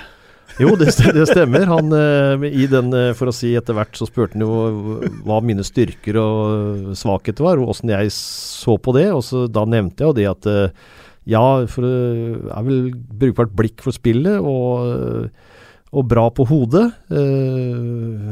Ja, og rimelig trygg, sa jeg vel på en eller annen måte. Og så gikk det en stund, og så kom han bort til meg, og så sier han Jan, du har ljugd for meg. Nei, det, det tror jeg ikke, sa jeg. Det, hadde jeg vel heller ikke tørt, for å si det sånn, for jeg respekt for den. Jo, sa han. eh, Du sa du var en bra hodespiller. Det er du ikke, sa han til meg. og det var Brita, så jeg var brukende både i norsk fotball og tysk fotball. Men jeg var ikke noe outstanding i engelsk fotball, altså for der, hodespillerne der, altså det var Ja, den var, den var mye bedre enn meg. Beste medspiller du har hatt, spilte? Da er vel antar jeg det er Romenig igjen? Romenig er nok helt på topp, men en annen er jo også Paul Breitner. Mm. Eh, han, eh, han var, for å si det sånn Han hadde en aura rundt seg, både blant medspillere og motspillere, som eh, Ja, det tror jeg nok eh, Han er tett oppunder Brian Clough når det gjelder aura rundt seg, altså. Så er, eh, og en stor fotballspiller. Uh, beste venn i, i fotballen? Eh, i, eh, for å si i eh, utenlandsk fotball, så var det nok eh, Ja, Klaus Augenthaler, Norbert Jansson og John Robertsen, vil jeg Mm. si, i i utenlandsfotball. Har dere kontakt ennå? Nei, det har vi eh, ikke. Den eneste jeg har hatt eh, så vidt for å si kontakt med, det er faktisk eh, for å si Rommenigge, for han sendte en hilsen til meg på min 60-årsdag, som var Ja, veldig hyggelig. Som, min- hyggelig. som eh, sønnen min og dattera mi hadde ordna, så det var veldig, veldig koselig. uh, beste kampen du spilte i, uh, i utenlandsk fotball? Eh, For å si, jeg har aldri tapt uh, mot Manchester United. Vi spilte 0-0 på Old Trafford. Det tror jeg var en grei kamp. Og så spilte vi, etter det jeg husker, 0-0 mot uh, Liverpool hjemme. Og da vet jeg at eh, Eller jeg hørte at Liverpool hadde lagt an for at de skulle presse meg, for jeg var en fersking der borte. Mm. Og vi holdt jo nullen, og det gikk bra. Så, så det er vel kanskje de to beste kampene jeg har spilt uh, sånn. Men den jeg har hatt mest flaks med og når det gjelder utlandet, det er eh, landskamp mot eh, Belgia i Lokeren. Ja. Da, for å si, da lykkes alt. Selv når jeg bare klarerte, så datt jo selvfølgelig den ballen ned hos medspiller på en, som en crosspasning. ikke sant? Så det var sånn, det var sånn det bare full klaff, og da, eh, da fikk jeg faktisk en tier på VG, og det var litt En morsomt. tier på VG, ja. Det er ikke mange. Det er Tiger-Tom, deg, og tror jeg kanskje jeg har levert én til. Ja, jeg tror ikke det er mer enn tre stykker som har fått det, så det var det er noe jeg husker. Ja, det må jeg si. um, eh, Stadionene i England, noen ser jo litt ut som de gjorde på din eh, tid, andre er helt eh, nye. Hvilken var den beste stadion der du spilte på, sånn atmosfæremessig og følelse? Jeg tror det var Altså, City Ground syns jeg det var liksom hjemmebanen min, så Mm. der får du en veldig god følelse. Og det er, hvis jeg skulle spilt på noen som helst stadion igjen, så ville jeg spilt der. Mm. Men sånn den stemningen og det trykket som var på Old Trafford, Mm. Det er nok den, eh, den banen jeg har liksom har følt at det har vært eh, altså sånn en skikkelig hjemmebane for eh, Manchester. Mm. Ja, ja. Og det var på den tida Stretford den var. ja, Virkelig hardcore, liksom. det var hardcore. Altså det, var, det var ordentlig fans, og det var, det var moro å spille. Eh, da må vi eh, ta noen spørsmål fra Twitter før vi går på drømmelaget ditt. Eh, så tar vi drømmelaget til, eh, til slutt. Jeg har fått inn, eh, fått inn en, del, en del spørsmål her. For jeg har bedt om, bedt om at folk skulle spørre. da. Eh, jeg kan ta det første her. Hvor glad er du for at man ikke spilte med navnet bakpå drakta da du spilte? Det hadde vært en liten skrivefeil på det navnet, men jeg skjønner godt, for å si hva, hva folk hadde sett når de eh, så navnet ut på ryggen. Og det, vi spilte jo en uh, U-landskamp der borte, og da, eh, for å si, da ble det jo uttalt som uh, Mr. Ass, for å si det sånn. Og da lo jo Det var en U-landskamp der borte, altså, men det, publikum holdt jo på å le seg i hjel. Så, så, det var greit at de, at de ikke sto på ryggen. Snorre Valde spør er du enig med meg uh, i at Tom Sundby er, var Norges største fotballtalent i din tid, og kanskje gjennom historien? Det tror jeg ikke jeg kan være helt enig i, for eh, vi har hatt noen andre, og bl.a. Tom Lund og Halvard Thoresen, som jeg for å si føler er, eh, er bedre. Tom Sundby var jo et fantastisk talent og en veldig god fotballspiller. Jeg husker han uh, godt. Og så var han et veldig, eller er sikkert det fortsatt, et veldig godt menneske. Så jeg har absolutt mye positivt å si om ham, men jeg rangerer nok ikke helt på topp i Norge. Oliver Breen, eh, du har vært involvert i fotball lenge. Hvem mener du er tidenes beste spiller? Eh, altså, jeg Det, for å si Ronaldo og Messi presterer nå, eh, ikke bare som, for å si eh, isolert sett dem, men nå møter de altså verdens beste spillere eh, på hver uke. Uh, og likevel så klarer de å dominere. Det er så fantastisk, syns jeg. Så jeg tror nok dem er uh, blant verdens beste. Og akkurat i dag, når vi så den kampen i går med, Barcelona-Chelsea, så kanskje Messi er akkurat den beste i dag. Men jeg må si at jeg har vært veldig imponert over Ronaldo òg. Mm. Uh, Håk Gygg spør uh, dine tanker om fotballens utvikling siden din tid, og også litt om fremtiden med VAR og sånne ting? Ja, fra min tid. Nå hadde vi en sånn reunionfest hvor det var 30 år siden vi vant uh, seriegull i Moss. Og den kampen så vi glimt av.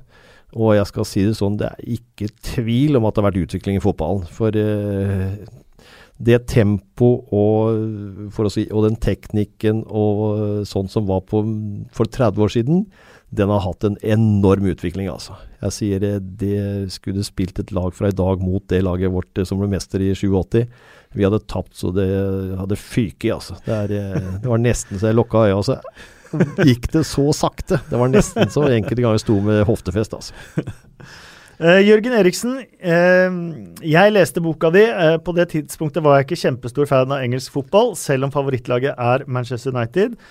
Anna John Aas og Fergie fikk meg veldig interessert i den engelske galskapen. Tusen takk, fortjener masse kred. Hyggelig. Det var jo ikke noe spørsmål der, da. Ja, Kjempehyggelig. Eh, Tusen takk tilbake. og Marius Wiik, eh, eh, Exeter-fan er han, tidligere Nettavisen og Dagbladet-journalist. Eh, han eh, skriver Einar var ikke den første nordmannen i engelsk fotball. Harry Boje Karlsen spilte for mitt kjære Exeter 36 år tidligere, men dog ikke ordinært, ordinært ligaspill, så Harry Boje Karlsen kan ikke ta fra deg den. Nei, det, det, var noe av det Arne Skeie sa òg om tysk fotball. For det, jo, det sies jo at jeg var den første i tysk fotball, men det var jeg visstnok ikke. Men jeg tror jeg var den første i Bundesliga. Mm. Eh, Ruben Wold, hvor mye tøffere var det å møte Bryne på bortebane i forhold til bortekamper i England? Bryne var jo lett, da. Nei da. Vi hadde bestandig noen gode, fine feider både mot uh, Rune Ottesen, Gabriel Høyland og Arne Larsen Økland. Så det var ordentlig tøffe matcher, og Bryne spilte alltid en fin, veldig fin fotball. Så, men sånn eh, Jeg var ikke noe nervøs for å reise til Jæren, for å si det sånn. Så, men eh, det hadde et veldig godt lag, og jeg husker ikke alle resultatene, men vi eh, De ble cupmestere, og dere ble seriemestere? Ja, da var det jo topplaget det året, da. Ja, Kolbjørn Ekker. så Bryne, det var et veldig, veldig bra lag, og morsomt lag å møte. Eh, siste fra Jørgen Eriksen. Jeg har anmeldt boka di. Fantastisk lesing om engelsk fotball for en da 11 år gammel gutt. Fortjener mye ros for den. Så hyggelig. Takk for det. Da, Einar. Eh, du har spilt både med og mot eh, noen fantastiske spillere gjennom eh, karrieren. Eh, så jeg har bedt deg om å ta med drømmelaget ditt. Uh, av med- og motspillere, men jeg ser så vidt over skulderen her at det uh, er mest medspillere. Ja, og det er for å si ikke så tilfeldig, for uh, på den tida, for å si sånn, Bayern vi ble jo mestere to år. Og når du er på topp i tysk fotball, så er du også på topp i, i hvert fall europeisk fotball. Mm. Og de jeg spilte med i Nottingham, de hadde blitt uh, europacupmestere året før, så det vil jo si at de var uh, Europas kanskje beste lag på den tida. Mm. Og de beste laga har veldig ofte de beste spillerne. Nå har jeg vært så frekk at jeg satte meg opp sjøl på drømmelaget. Men ja, men det, der, det, der satte jeg også inn veto at der fortjente du å være med. Så. Ja, det, det, som var at jeg hadde, hadde drømt og spilt med dette her, her laget her. Ja. Altså, det er liksom litt drøm og dette her, altså. Vi kan begynne i mål. Ja, og der er, eh, for å si selvskreven, det er eh, Peter Shilton. Systematikeren. Systematiker, og for å si han var vel den som trente mest av vårs i Nottingham Forest. Han var supersterk, og også kondisjonsmessig. Han var, eh, han var helt rå. Eh, men han, eh, eh, han var jo ikke bare keeper, han var eh, keepertrener nå, var han ikke det? Uh, ikke når jeg var der borte. Nei. Da, nei, da hadde vi for å si en assistenttrener som trena, trena keeperne. Det var mm. Ron Fent som var trener, og så husker jeg ikke hva assistenten het, men han tok seg av keeper, keeperne. Mm. Uh, men du skriver i boka di at du regner med at han spiller fotball et par-tre år til. Eh, boka di kom ut i 1982, ja. og sto VM i 1990. Sto VM i 1990. Og spilte enda noen år til etter det. ja, da, nei, da, Han var så gjennomtrent, så hvis ikke han fikk en alvorlig skade, så ja, han kunne spilt til var 60, for å si det sånn. Mm. Men ikke spesielt sosial ute på byen? Nei, han ø, var litt sånn ø, ja, litt einstøing. Altså, Ikke noe problem på kamper og den biten der, men når vi andre var ute og festa på en lørdag etter match, så gikk ofte Viv Andersen uh, for seg sjøl, mens resten av gjengen vi var på Peter Schilten, mener du? Eller Peter Schilten, mener jeg. Ja, Viv Andersen var på samme bordet, det er helt sikkert. Så er det, ja, unnskyld. så han var litt uh, Ja, ikke asosial, det var han ikke, men uh, ikke helt liksom sånn midt i den sosiale gruppa. Man kunne sitte på et bord ved siden av dere med helt andre folk uten å ense dere engang? Ja, det virka sånn, for å si det sånn, så at han ikke ensa var så ensa var sikkert, men det var liksom, han, han var, ikke, ikke, var ikke hos oss. i hvert fall når jeg var ute der, altså. Så da har jeg fått med et spørsmål fra Trevor Morley, bare mens vi var inne på, på det. Han er jo Nottingham-gutt. Eh, Trevor eh, Morley han lurte på hvilke nattklubber du pleide å, å, være ute på i Nottingham? Det var, eh, for å si, stort sett et, et diskotek, nattklubb, en blanding. Men jeg, for å si, jeg er ikke kar om å huske navnet. Men det var veldig hyggelig der. vi tar bekkene. Ja, der har jeg Viv Andersen fra Nottingham og Odo Horsmann som venstreback fra Bayern. Han eh, var en kjempegod venstreback. Eh, som vel ikke fikk veldig få landskamper, men en eh, fantastisk eh, offensiv eh, venstreback. Og en eh, Det var forresten roommaten min, altså romkameraten ja. min på, på, på, Bayern München. Og Vi Wandersen husker vi også. rask back. historisk også han. Første svarte spilleren på engelske landslaget. Ja, stemmer. Så er det også en skøyer. Han var sånn som plutselig så var, for å si, skoa dine fulle av vann etter trening, og da visste vi at det da var det Viv som hadde vært vært, eh, vært til stede. Stoppemakkeren din? Da, for å si, jeg har spilt sammen med ganske mange gode stoppere, men eh, det krystalliserer seg ut eh, Klaus Augenthaler. Han ble jo, for å si, også stjerne på det tyske landslaget etter hvert. Ikke bare at han var god midtstopper, men han hadde et fantastisk skudd òg. Han var uh, skåra ofte fra både 30 og 35 meter. Og han var stoppmakker til Erland Johnsen seinere? Ja, han var det, ja. ja nei, det, det, det, viser hvor solid han var, at han kunne være i Bayern så lenge. Altså. Ja. Uh, midtbane? Eh, selvskreven Paul Breitner. Eh, og for å si en offensiv midtbanespiller ville jeg hatt eh, for å si Kevin Keegan. Og så ville jeg hatt eh, første norske, som jeg syns er en fantastisk god spiller. Det er Halvard Thoresen. Eh, han var nok den som, eh, for å si det, merka vi når han var med vårs på landslaget, og når han meldte forfall på landslaget. Det var den auraen og tryggheten som han ga oss på landslaget når han var med, den var stor. Og det sier sitt når han, eh, for å si, var en av de beste i eh, hollandsk fotball. Åssen var disse gutta her i garderoben og sånn, da? Eh, Halvard er eh, kjempegutt, eh, for å si det sånn. Han blir litt skal vi si, litt avmålt når pressen er til stede. Men når pressen ikke er der, så er det, er fullt liv. Og fram på banen. Da er det en Lillestrøm-gutt eh, som vel nesten løfta Lillestrøm aleine. Han gjorde ikke det, de andre var gode, men det er Tom Lund. En, uh, han kunne gått til hvilken som helst klubb han ville på den tiden. Og var ikke Tommy så veldig glad i å fly, så jeg tror det hindra han i å reise ut, faktisk. Men en, en stor spiller. Hvor langt hadde han nådd i utlandet? Jeg tror han hadde nådd helt, eh, helt på toppen. Eh, for å si når jeg kunne være med på noen topplag, så kunne i hvert fall han være med på noen topplag. Det er helt sikkert. Og Trevor Francis, uh, første millionspilleren i England, er det ikke det? Jo, det stemmer. Ja. Uh, han, for å si, var romkameraten min når jeg var i Nottingham, og det jeg husker best med det, det var faktisk at det, på kampdagen så måtte han stå i badekaret med varmt vann for å mjuke opp anklene, for han var så, han var, den var så sliten av anklene. Og det var, det var ikke lenge siden han var gitt en million pund for den. Så, men en fantastisk type. Veldig god spiller. en typisk avslutter. Og så er det, for å si kongen eh, fotballmessig, det er Karl-Heinz Rummenigge. En, eh, han er jo direktør nå i Bayern München, så han har jo liksom eh, gått fra å være superstjerne på banen til å bli en eh, superleder i eh, en av verdens kanskje mest best organiserte klubber. De er jo på toppen eh, hvert år, og de går bra økonomisk. Det er bare ryddig der nede. Så Carl-Heinz er er med der, og det er jeg imponert over at han fortsatt er i lederrollen der. Og så ville jeg hatt med en, kanskje ikke en av dem For å si nå er vi ferdig med elleve, og den tolvte mann vil jeg ha for miljø, og det er John Robo. John Roberts. Ja. det var én innbytter på din tid, så det må du ha med. Må ha med én innbytter, ja. han kunne spille på begge kantene. Det var ikke noe problem. Jeg tror jeg kunne spille på midtbanen òg. Han var bare talentfull fotballspiller. Du veit han var innom Norwich òg? Han var det òg, ja. Han var jo assistenten til Martin O'Neill. De hadde jo kjempesuksess en periode. Ja, det hadde de. Eh, det var jo eh, Apropos direktør i Norwich og sånt, som du heller ikke hadde sansen for, men det var en som het Robert Chase som var direktør i Norwich da. Og da hadde Norwich akkurat rykka ned, så det må ha vært i 95-96-sesongen. Fikk en fantastisk start på sesongen uh, med Martin O'Neill og John Robertson. Uh, toppa tabellen med god margin til nummer to tidlig i desember. Martin O'Neill ville ha penger til å kjøpe spillere. Robert Chase sa nei.